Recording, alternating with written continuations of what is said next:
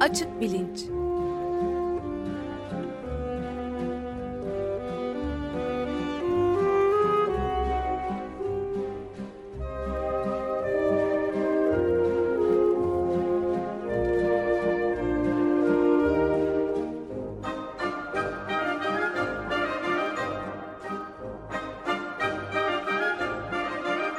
Güven Güzeldere ile bilim ve felsefe sohbetleri.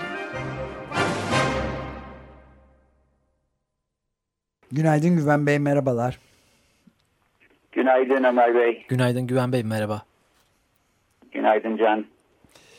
Evet, bugün e, zaten e, Açık Radyo'da e, yoğun bir şekilde konsantre olduğumuz bir konu bu adalet yürüyüşü. Siz de felsefe tarihi içinde adalet kavramının doğuşu ve gelişmesi üzerine biraz konuşalım dediniz ve günümüz literatüründeki adalet kuramları. Bir de ayrıca da yürüme eyleminin düşünce tarihindeki yeri üzerinde de konuşalım demiştiniz. Bu sefer girişi ben yaptım, takdimi. Tamam, adalet yürüyüşü e, iki şeyi bir araya getirdi. E, ikisinden ayrı ayrı aslında bahsedelim diye düşündüm. Birincisi adalet kavramı, ikincisi yürüme eylemi. E, adalet nedir diye sorduğumuz zaman işte sözlükteki karşılığı herkesin hakkını gözetme, hakkaniyetli olma belki en genel haliyle bu. Aynı hava gibi olmadığında değeri daha çok anlaşılan bir şey e, ve çok hayati bir şey e, adalet. E, çünkü bir yandan da toplumsal bir arada olmayı sağlayan bir tür sosyal tutkal diye düşünüyorum. Sosyal yaşamın olmazsa olmazı. E, 1941 senesinde Sur dergisinde Arjantinli yazar Luis Borges e, Babilon'daki piyango diye bir e, hikaye e, yayımlıyor. Daha sonra Labirentler isimli kitabında e, yer alan hikayelerden bir tanesi. E, orada böyle bir distopik e, resim çiziyor bize ve adalet olmadığı zaman e, adaletsiz bir dünyada yaşamanın nasıl bir e, duygu olacağını aslında 3-5 sayfa içinde çok e, etkili bir şekilde anlatıyor. Bu Babilon e, ülkesinde e, adaleti sağlayan şey, daha doğrusu adaletin yerine geçen şey e, bir tür piyango ve insanların hayatlarına dair en temel e, meseleler bu piyango ile belirleniyor. E, fakat piyangonun pek böyle bir akla mantığa bir tarafı da yok. Ne sebepten kime e, nasıl bir piyango düştüğü de belli değil. İnsanlar bu e, yönetim biçimi altında yaşamaya çalışıyorlar. E, ve buna dayanmanın e, tek belki e, temel unsurunun da e, iyi bir şeyler çıkacağı ümidi olduğunu söylüyor bu alegoride Borges. Yani ümit fakirin ekmeği derler işte biraz öyle. E, ben bu programda e, üç e, parçada e, toplamak e, istiyorum söyleyeceklerimi. Bir tanesi e, iki tane aslında e, temel kıssadan hisse e, var. En sonunda söyleyeceğim en başta söyleyeyim. Birincisi adalet kavramı çok yönlü ve çok parçalı bir kavram. Ve tek bir cümleyle e, girişte yaptığım gibi e, bir genellemeyle adalet kavramının her e, yönünü, her boyutunu açıklayacak bir e, formülasyon mümkün değil. Ee, biraz felsefe tarihi içinde adalet konusunda kim ne demiş ve adalet kavramı nasıl bir gelişme izlemiş bugünlerde biraz ondan bahsetmek istiyorum. Bir de adalet duygusu çok temel olarak insanlar dışında bilişsel açıdan gelişkin başka canlı türlerinde de var gibi gözüküyor. Bu konuda son 10 yılda yapılmış e, çok ilginç çalışmalar var. Kısaca daha önceki programların bir tanesinde değinmiştik diye hatırlıyorum. Evet. E, bu e, evrimci bir bakış açısıyla böyle baktığımız zaman ve adalet duygusunun aslında insanlar dışındaki canlılarda da yaygın ve temel olarak var olduğunu gördüğümüz zaman e, bu belki insanların sosyal dünyası için adaletin çok merkezi önemli olmasının nedenlerinden biridir diye düşünmek de mümkün. Biraz da buna değineceğim. Bir de bu işte bir e, eylem olarak yürüme e, konusunda da bir parça değinelim istiyorum. Hı hı. Şimdi insanlık tarihinde yani yazılı belgelerin elinize ulaştığı bildiğiniz o açıdan bildiğiniz insanlık tarihine baktığımız zaman adalet kavramının e, iki ana parçası olduğunu görüyoruz. Bir e, dünyevi adalet yani bu dünyada hakkaniyeti sağlamak e, meselesi. İkincisi e, ilahi adalet ya da işte bir ahiret hayatında sağlanacak olan adalet. Bu ikincisi daha sonradan gelen e, bir ölçüde tek tanrılı en azından bizim coğrafyamızda tek tanrılı dinlerin ortaya çıkmasından sonra e, gelen bir e, adalet kavramı. E, mesela Antik Yunan'da birazdan e, ona değineceğim. Platon ve Aristo gibi e, felsefeciler e, o zamanın çok tanrılı e, işte kendi inanç sistemleri çerçevesinde böyle bir ilahi adaletten ziyade dünyevi adaletin ne şekilde sağlanabileceği konusuyla e, uğraşıyorlar. E, bir şekilde bu ilahi adalet konusu Hristiyanlığın ortaya çıkmasıyla birlikte e, güç kazanıyor. Derken İslam'ın ortaya çıkmasında da e, ve gelişmesinde de önemli bir rol oynuyor. Fakat daha sonra aydınlanmadan itibaren yeniden bu dünyevi adalet meselesinin felsefe literatüründe e, baskın hale geldiğini ve e, işte Leibniz'den Hume'a yani e, akılcılardan deneycilere, oradan Immanuel Kant'a, daha sonra Karl Marx'a kadar e, pek çok felsefecinin değişik farklı bakış açılarıyla adalet kavramı hakkında bir şeyler e, söylemeye çalıştığını görüyoruz. E, şimdi bu ilahi adalet meselesini uzun boylu bugün e, tartışmak istemiyorum. Fakat şunu en azından söyleyeyim. Bir din felsefesi serisi yaparken orada Dostoyevski'nin Karamazov kardeşler romanında iki kardeş Ivan ve Alyosha arasında geçen bir konuşmadan bahsetmiştim. Ee, orada e, Tanrı'nın olmadığı bir dünyada her şey e, sorusunu tartışıyor Dostoyevski ve adaletin temel direğinin Tanrı olduğunu, e, Tanrı olmazsa adaletin de yerle eksan olacağını e, bu, bu konuyu en azından e, ele alıyor. Adil bir Tanrı e, söz konusuysa peki dünyada adaletsizlik ve kötülüklerin olmasını nasıl açıklayabiliriz? E, bu da din felsefesindeki en önemli problemlerden biri sayılan kötülük probleminin aslında baş tarafı. E, ilahi adaleti dünyevi adaletle birlikte birbirini tamamlayan e, iki kavramın bir parçası olarak görmek ve dünyevi adalete yardımcı olduğunu düşünmek elbette mümkün. Böyle e, e, bunu iddia eden, bunu savunan e, insanlar var. Fakat bunun tersini de düşünmek mümkün. Yani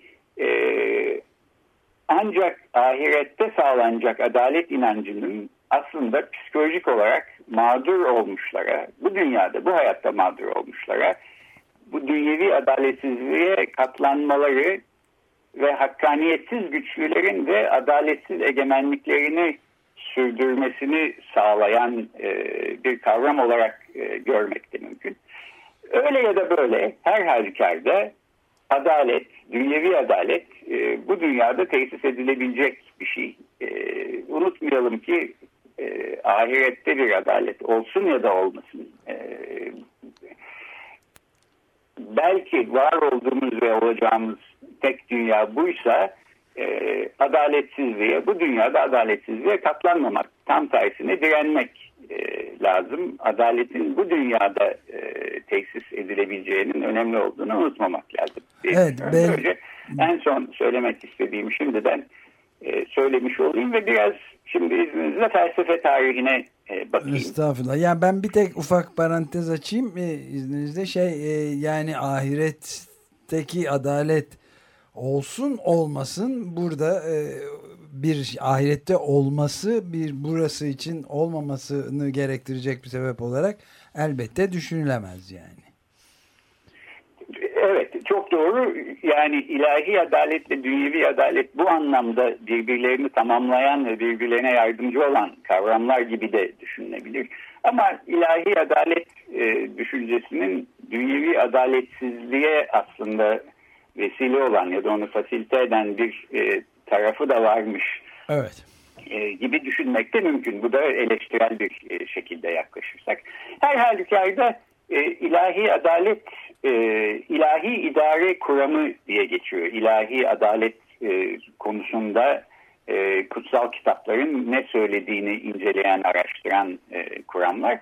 Buna karşı dünyevi adalet konusunda bir şeyler söylemek e, söyleyen e, felsefeciler bunu genel e, bir başlıkta doğal yasa kuramı diye niteliyorlar. Ve e, bugün varılan noktada 20. 21. yüzyılda geliştirilen bu uzun düşünce muhakeme patikasının son geldiği noktada genel olarak bir tür toplumsal anlaşma, hakkaniyeti sağlayan bir tür insanlar arasında bir kontrat e, fikrinin e, baskın olduğunu görüyoruz. E, Açık Radyo'da uzun boylu e, konuşulmuş ve okunmuştu ta 500 yıl öncesinden Magna Carta'da aslında bir tür toplumsal anlaşma e, belgesidir herhalde evet. böyle düşünmek mümkün ve Sek adaletle çok e, yakın bir e, ilişkisi olduğu bu anlamda açık. 800 yıl hatta 1215. E, evet. Ee, ben ne dedim 500 yıl 500, dedim daha evet. da daha da fazla evet. değil mi? Evet, ee, evet. 800. yıl dönümü vesilesiyle tamamını okumuştuk. Evet. Zaman ne kadar çabuk geçiyor? 800 yıl olmuş. Tamam. Ee, şimdi felsefe tarihinde, Batı felsefe tarihinde en azından e, genellikle hemen her şeyin e, Platon'la ve onun öğrencisi de olmuş Aristoteles'le başladığı düşünülür. E, en azından yazılı belgeler e, bize e, böyle söylüyor. Daha önceki felsefecilerden e, elimizde çok fazla yazılı bir materyal yok. Platon Devlet isimli kitabında Aristoteles ise e,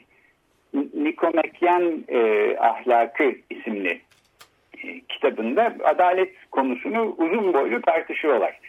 E, Platon'un devlet kitabında her zaman olduğu gibi e, bir diyalog sürüyor. Burada Platon'un kendi görüşünü hocası olan Sokrates savunuyor. Sokrates'in karşısında bir tür şeytanın avukatlığını yapan felsefeci ise Thrasymachus isimli bir felsefeci. Thrasymachus diyor ki adalet güçlü olanın istediğinin gerçekleşmesidir. E, dolayısıyla e, hakkaniyetli olan da aslında e, kim gücü elinde tutuyorsa o ne diyorsa onun olmasıdır.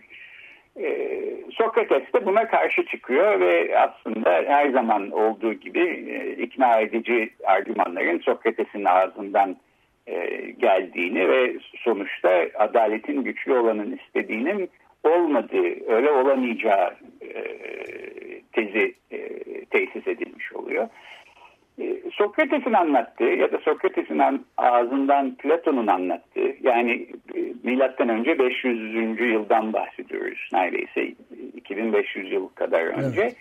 E, çok genel bir kavram. Antik Yunan'da şehir devletleri içinde refah ve uyumdan bahsediyor. İşlevsel bir şeyden bahsediyor büyük e, ölçüde Platon. Öğrencisi olan Aristoteles ise e, daha e, deneyici e, bir kişiliği ve daha bilime yatkın meraklı bir zihni olan bir insan olduğu için e, genel bir tartışmanın ötesinde e, bir takım saha çalışmaları da yapıyor e, kendi kendine. Yani mesela biyoloji konusunda da sınıflandırma, işte canlıları, bitkileri sınıflandırma konusunda nasıl sahaya inip çalışmışsa Aristoteles, o dönem var olan 159 Yunan, antik Yunan şehir devletinin anayasasını tek tek inceliyor ve bunların arasında e, adalete dair bir takım e, özler e, çıkartmaya çalışıyor. Ve diyor ki evet e, Platon'un anlattığı gibi bir genel adalet e, kavramından bahsetmek mümkün. Fakat bunun bir takım alt kategorileri, bir takım özel e, adalet kategorileri de var. Bunlardan da bahsetmemiz lazım. Yani cezalandırmacı adalet işte bunun gibi bir şey mesela size birisi bir kötülük yaptı bir zarar geldi bunun karşılığı ne olmalı? E, bu aslında bunu da parantez içinde söyleyeyim e, felsefi olarak e, bence çok zor bir soru. Çünkü ayrı kategoriler arasında bir ilişki kurmayı gerektiriyor. Yani e, birisi size işte arabasıyla çarptı, bacağınız sakat kaldı. Bunun e, tam karşılığı olan şey işte para cinsinden ya da özgürlüğün elinden alındığı hapishane günleri cinsinden e, ne şekilde ölçülebilir? Bunu hangi skalayla yapmamız lazım? E, üç günlük hapis mi, 300 günlük hapis mi, hayat boyu hapis mi olmalı? E, bunlar genel bir toplumsal kabul gören bir anlayış etrafında bugün e, e, yapılandırılmış durumdalar. Fakat e, aslında e, felsefi olarak burada zor bir problem e, olduğunu bence teslim etmek lazım. Ve galiba tam da o yüzden e, bu eski ahitte de yer alan bugün kabul edilemez e, bulduğumuz gerçekten de kabul edilemez olan intikamcı adalet yani göze göz dişe diş e, şeklinde e, ortaya çıkan e, adalet e, hissinin niye öncelik kazandığı, insanlık tarihinde insanların aklına niye ilk bunun geldiği adaletin sağlanması için aslında bana anlaşılır e, gözüküyor. E, bu cezalandırmacı adaletin yanı sıra Aristo'nun bahsettiği bir başka adalet alt kategorisi paylaşımcı adalet ya da distributif e, ya da dağıtımcı adalet. Bu Aristo'dan bugüne kadar üstünde çok konuşulmuş ve 21. yüzyıl adalet kuramlarının da temel direği olan e, kavramlardan bir tanesi paylaşımcı adalet e, konusu. Ve bu konuda pek çok e, felsefeci değişik şeyler yazmış. E, mesela e, deneycilerden 18. yüzyıl e, felsefe okulundan David Hume diyor ki eğer kaynaklar o kadar e, çok olsaydı ki e, kimsenin bir başkasının elinden bir şey almadan bütün istediklerine sahip olması mümkün olsaydı o zaman belki adalet e, kavramına ya da adaleti sağlamak için kurallara gereksinimiz olmazdı. E, yani bir paylaşım zorluğu olmasaydı belki adalet için kurallara bile gerek kalmayacaktı. E, adaleti e, zorlayan toplumsal hayatın merkezine oturtan şeylerden bir tanesi kaynakların kısıtlı olması. Human e, argümanı, akıl yürütmesi böyle. E, Hume'dan sonra gelen bir yıl sonra e, gelen Immanuel Kant e, da adalet konusunda saf akıldan kaynaklanan evrensel kurallara bakmamız gerektiğini söylüyor ve e, çok kabaca her bireyin özgürlüğünün sınırları başka bütün bireylerin özgürlükleriyle uyumlu olduğu ölçüde e, belirlenebilir gibi bir şey söylüyor. Bu da aslında işte bu 21. 20. yüzyılda özellikle e, şimdi artık hayatta olmayan e, Harvard Üniversitesi profesörlerinden John Rawls'un evet. e, öne sürdüğü liberal bir e, adalet anlayışının e, nüvesi denilebilir. E, bir başka felsefeciden daha bahsedeyim. O da aslında e, daha çok matematikçiliği ve metafizikçiliğiyle bilinen e, Leibniz, e, akılcı felsefeciler arasında. Hume'dan bir yüzyıl kadar önce yaşamış olan felsefeciler arasında. E, felsefeye girişini aslında hukuk felsefesiyle yapmış ve genç zamanlarında adalet kavramı üstünde de yazmış. E, Plato'nun e, bu devlet kitabında bahsettiği Thrasymachus'un savunduğu adalet güçlü olanın isteğinin olmasıdır belki en etkin ve en kısa e, cevabı veriyor. diyor ki adalet güçlü olanın isteğinin olması olamaz. Çünkü öyle olsaydı en güçlüler hiçbir zaman adaletsiz davranıyor diyemezdik. Halbuki biliyoruz ki güçlülerin adaletsiz davrandığı oluyor. Hatta genellikle böyle oluyor. Dolayısıyla bir e, Latince'de redaktio ad absurdum denen saçma bir sonuca ulaşıp dolayısıyla ön kabullerden birinin değişmesi gerektiği e, muhakemesiyle e, adalet güçlü olanın isteğinin olmasıdır e, tezinin kabul edilemeyeceğini e, ortaya koyuyor. Belki bir de en son e, çok kısaca Marx'tan bahsetmek isterim. Çünkü sonuç itibariyle e, sınıflar bazında bir e, analizi e, son derece çığır bir şekilde yapmış olan bir felsefeci. E, ilginç bir şekilde Marx'ın ana meselesinin adalet olduğu düşünülebilir bir taraftan. Öte yandan Marx yazılarında hemen hiçbir zaman kapitalizm adaletsiz bir sistemdir demiyor. E, kapitalizmin adaletli bir sistem olduğunu düşündüğünden böyle demiyor diyemeyiz. E, çünkü kapitalizm e, dendiği zaman işte sömürüden hırsızlığa kadar pek çok adaletsizliğin belgelenmesi e, Marx'ın kendine iş edindiği iş. Bu da felsefe literatürü içinde çok tartışma yaratan bir konu. Niye kapitalizm adaletsiz bir sistemdir demiyor açık açık bir şekilde Marx diye. Belki adalet tartışmaları bir ahlak tartışması içinde, ahlak ve erdem e, kavramsal çerçevesi içinde genellikle ele alındığından ve Marx böyle bir çerçeve içinde yer almadığın, yer almak istemediğinden bunu söylemiyor olabilir ve ütopyacı sosyalistlerle arasında bir mesafe koymak isteyebilir diye düşünüyorum. Ben naçizane bunu da böyle bir dipnot olarak en azından söylemiş olayım. Ee, şimdi felsefe tarihinden sonra bir de bu evrimci bakış açısı konusuna e, geleyim kısaca. E, adaletsizlik yani eşitler arasında kaynaklardan eşit olmayan şekilde pay alma mesela. Bu e, Aristo'nun bahsettiği paylaşımcı adalet e, konusundan bahsedelim. Bu adaletsizliğe karşı bir e, tepkinin çok temel bir şekilde pek çok canlıda olduğu düşünülüyor.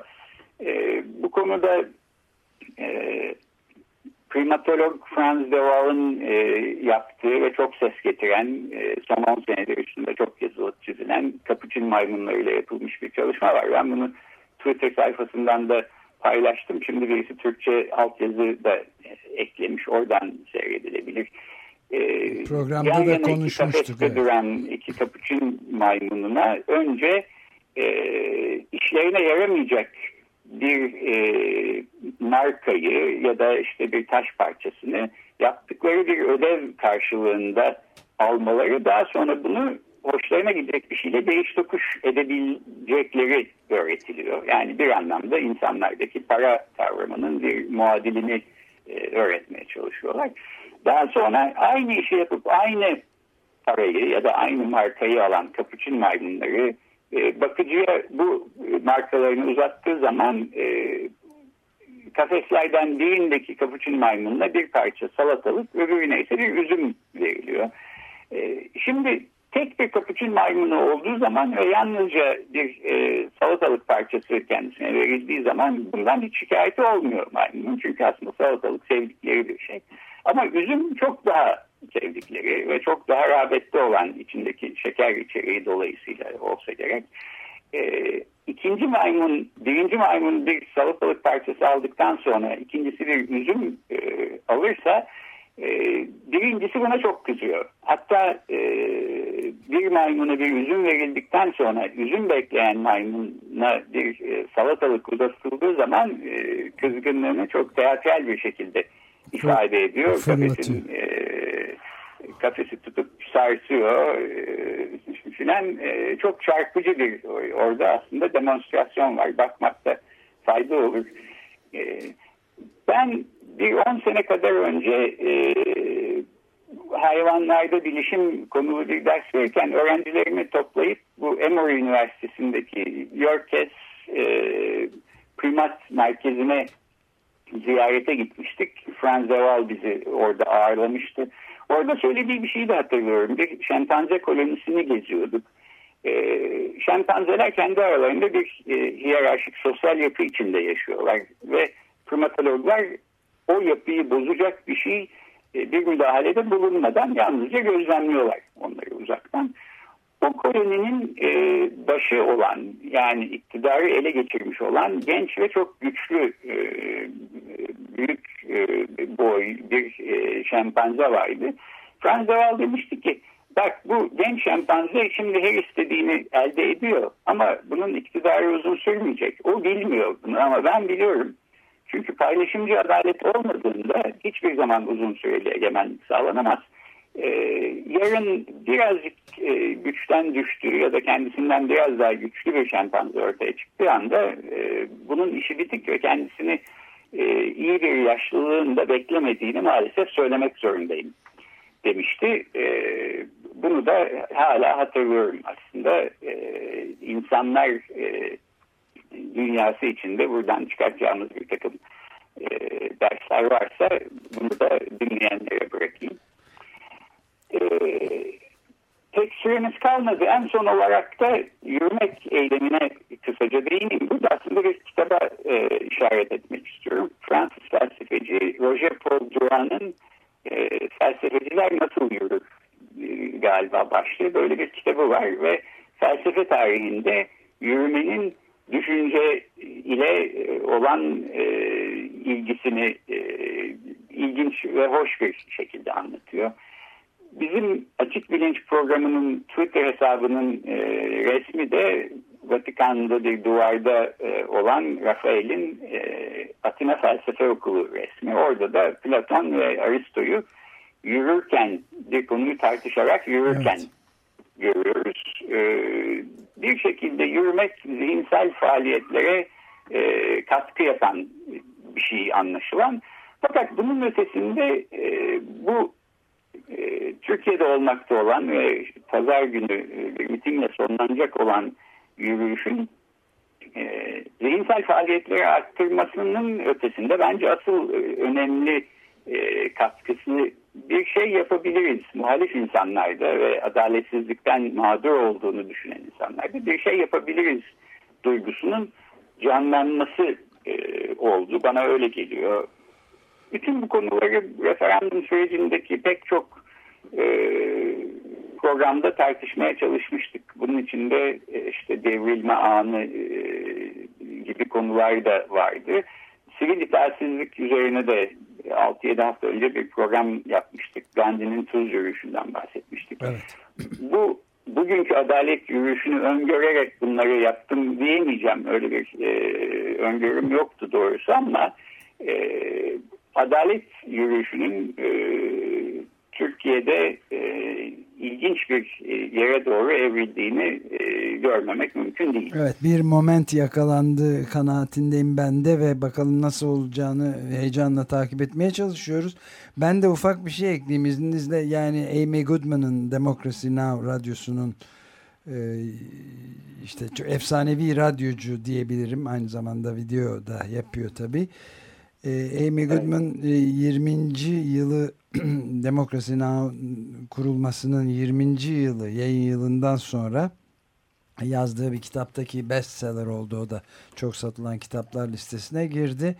Orada umudun dışarıdan gelen bir şey olmadığını sadece ve sadece tabandan yükselen kitle hareketleriyle işte bu tarz yürüyüşlerle ve benzeri şeylerle olduğunu gösteren çok sayıda örnek veren e, çok ilginç bir kitap yazmış. Daha tam bitiremedim ama esas itibariyle bu bugünlerde elimiz elimden düşmeyen kitaplardan bir tanesi. Bütün tarihteki e, şeyleri gösteriyor. Kitle hareketlerinin büyük yürüyüşlerin e, ancak bu şekilde umut gelebileceği birisinin bir kurtarıcıdan umut bekleneceği, gökten bir umut geleceği gibi değil. Ancak kendimiz yaratabileceğini söyleyen ve bütün bunların da 20 yıl boyunca nasıl izlediklerini bu toplumsal hareketleri, e, taban hareketlerini anlatan ilginç bir kitap var. Benim de e, aklımda bu vardı yani. Evet bu taban hareketlerine dair Gandhi'ye aslında yanlış olarak atfedilen bir söz var. E, sosyal medyada da çok bu aralar yol, e, yer alıyor. Önce yokmuşsunuz gibi davranırlar, sonra alay ederler, sonra sizinle savaşmaya başlarlar ve en sonunda siz kazanırsınız. Evet. Ve bunu aslında 1918'de Amerikalı bir e, sendika lideri Nicholas Klein bu şekilde söylemiş. Gandhi değil ama Gandhi'nin de buna benzer e, ya da bunu ima eden söylediği şeyler var. Biraz bu şekilde bir evrelerden geçiyor gibi de gözüküyor bana doğrusu adalet yürüyüşü. Yani basında, medyada önce bir yokmuş gibi davranmanın ardından işte alay etme ve mücadele etme e, evresi sanki baş gösterdi. Sonunda ne olacağını kestirmek güç e, fakat ilginç bir dönemden e, geçtiğimiz, önemli bir dönemden, tarihi bir dönemden geçtiğimiz açık. Şüphesiz. Ben bu programı bitirirken daha önceki sivil itaatsizlik programında da bahsettiğim e, Nuriye Gülmen ve e, Semih Özakça'dan bir kez daha bahsetmek istiyorum. Çünkü açlık grevlerinin en son ve en kritik günlerine girmiş gibi gözüküyorlar. Çok fazla vakit yok. Bir imza kampanyası var. E, işlerine iade edilsinler ve açlık grevi sona erdirilsin e, talebini desteklemek isteyenler Nuriye Semih Yaşasın at e, gmail.com e, adresine e, isimlerini göndererek katılabilirler. Türkiye tarihi zaten adaletsizliklerle dolu.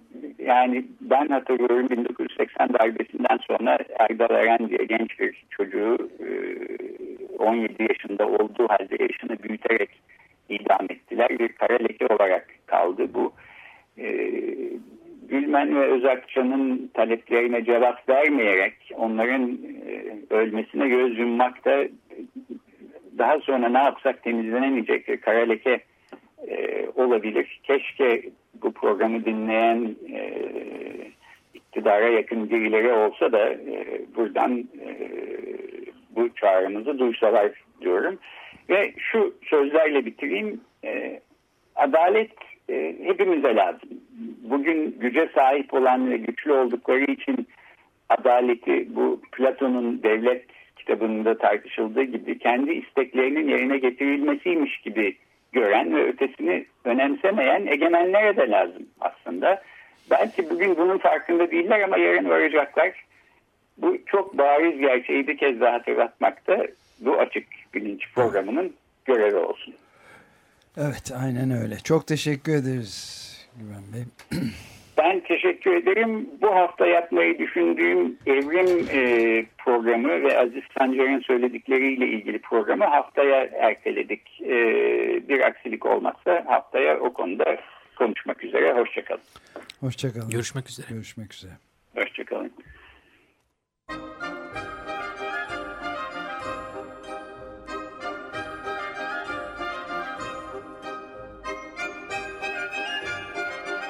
Açık Bilinç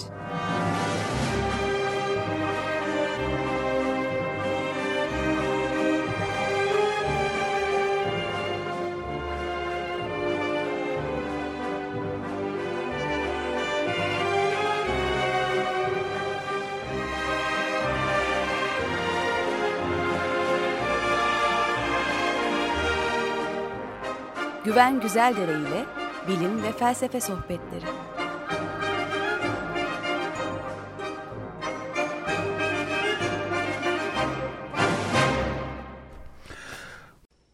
Radyo program destekçisi olun.